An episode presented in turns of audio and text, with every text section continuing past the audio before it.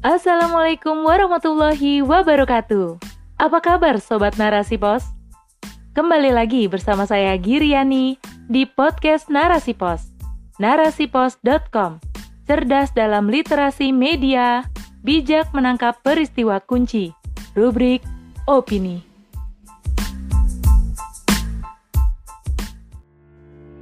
Terompet, euforia akhir tahun bukan milik Islam oleh Desi Wulansari MSI. Penyambutan tahun baru mengundang euforia tersendiri. Terlihat sebagian masyarakat tengah sibuk mempersiapkan datangnya pergantian tahun dengan cara mereka sendiri, melihat kebiasaan orang barat yang banyak diadopsi oleh masyarakat Indonesia. Kerap kali mereka merayakannya dengan meledakkan kembang api, meniupkan trompet, menggunakan topi kerucut, ataupun memasak makanan khusus untuk menyambut tahun baru. Padahal, semua itu membutuhkan persiapan dana yang tidak sedikit untuk mewujudkannya. Bahkan, media-media pun banyak yang memberikan rekomendasi beberapa tempat seperti Monas, Kota Tua, Bundaran Hotel Indonesia, Gelora Bung Karno, dan sebagainya untuk merayakan tahun barunya seperti yang dilansir media cnnindonesia.com. Jika perayaan yang bersifat euforia ini diadopsi oleh Barat, tentu bagi umat Muslim sudah pasti bukanlah ajaran atau kebiasaan yang mesti ikut-ikutan dilakukan. Karena jika kita melihat secara jeli, setiap perayaan umat beragama pasti memiliki makna religiusnya masing-masing, sehingga jika dilakukan bagi seluruh umat, pasti tidak tepat adanya. Perayaan Tahun Baru belakangan ini, kita akan banyak disuguhkan pada pemandangan pedagang trompet musiman dan berbondong-bondong pula kalangan tua, muda, anak-anak muslim ikut antri membeli trompet untuk memeriahkan tahun baru tersebut. Sayangnya, banyak umat yang belum mengerti makna dari trompet tahun baru. Alangkah baiknya jika kita mau sejenak melihat ke belakang Mengapa trompet dipilih untuk menyambut datangnya tahun baru? Awalnya, budaya meniup trompet ini adalah budaya masyarakat Yahudi. Bangsa mereka menyambut tahun baru berdasarkan pada sistem penanggalan mereka, yaitu bulan Tisri yang jatuh pada bulan tujuh.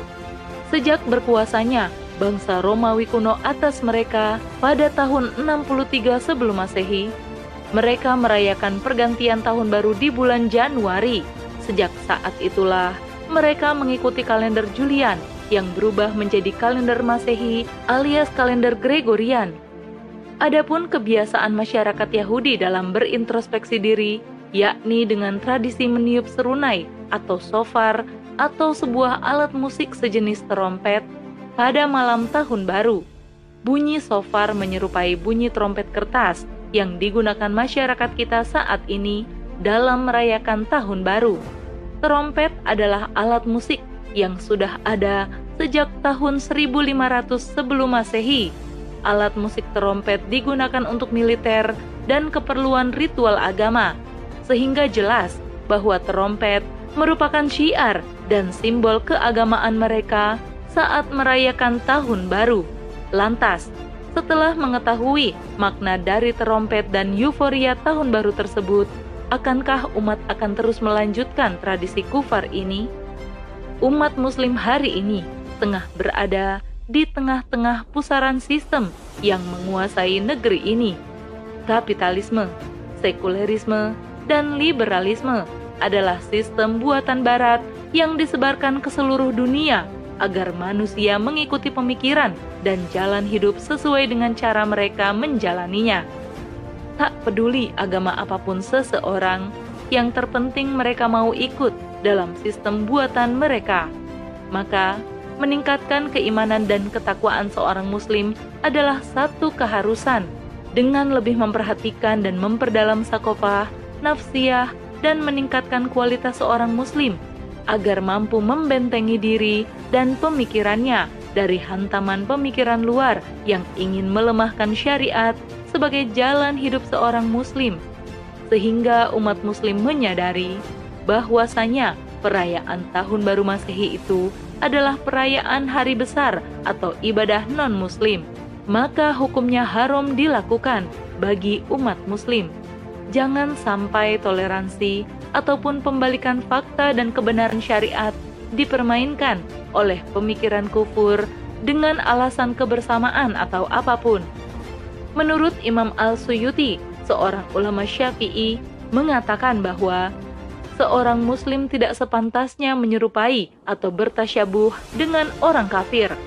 Allah Subhanahu wa taala berfirman, "Kemudian kami jadikan engkau Muhammad mengikuti syariat atau peraturan dari agama itu, maka ikutilah syariat itu dan janganlah engkau ikuti keinginan orang-orang yang tidak mengetahui."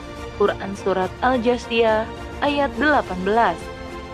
Sejatinya, umat muslim adalah umat yang cerdas dalam berpikir, menyikapi segala sesuatu penuh pertimbangan baik dan buruknya, dari sisi akidah maupun nilai amalannya. Karena umat muslim telah diberikan aturan terbaik dalam kehidupan melalui hukum syara. Manusia hanya berharap, sebab meminta pertolongan kepada Allah Subhanahu wa taala adalah keharusan dengan senantiasa memanjatkan doa agar dilindungi dari setiap perbuatan dan dijauhkan dari seluruh perbuatan yang dapat merusak keislaman. Hanya sistem Islam kafah yang mampu melindungi umatnya dalam menjalani ketaatan dalam koridor syariat. Karena dengannya akan ada pemimpin umat muslim yang senantiasa melindungi dan mengingatkan rakyatnya untuk selalu berada dalam koridor ketaatan bukan malah ikut-ikutan budaya lain yang bukan milik umat muslim. Saatnya umat kembali kepada Islam kafah dengan berislam sesuai yang diajarkan Rasulullah Shallallahu alaihi wasallam agar selamat dunia akhirat. Wallahu a'lam bishawab.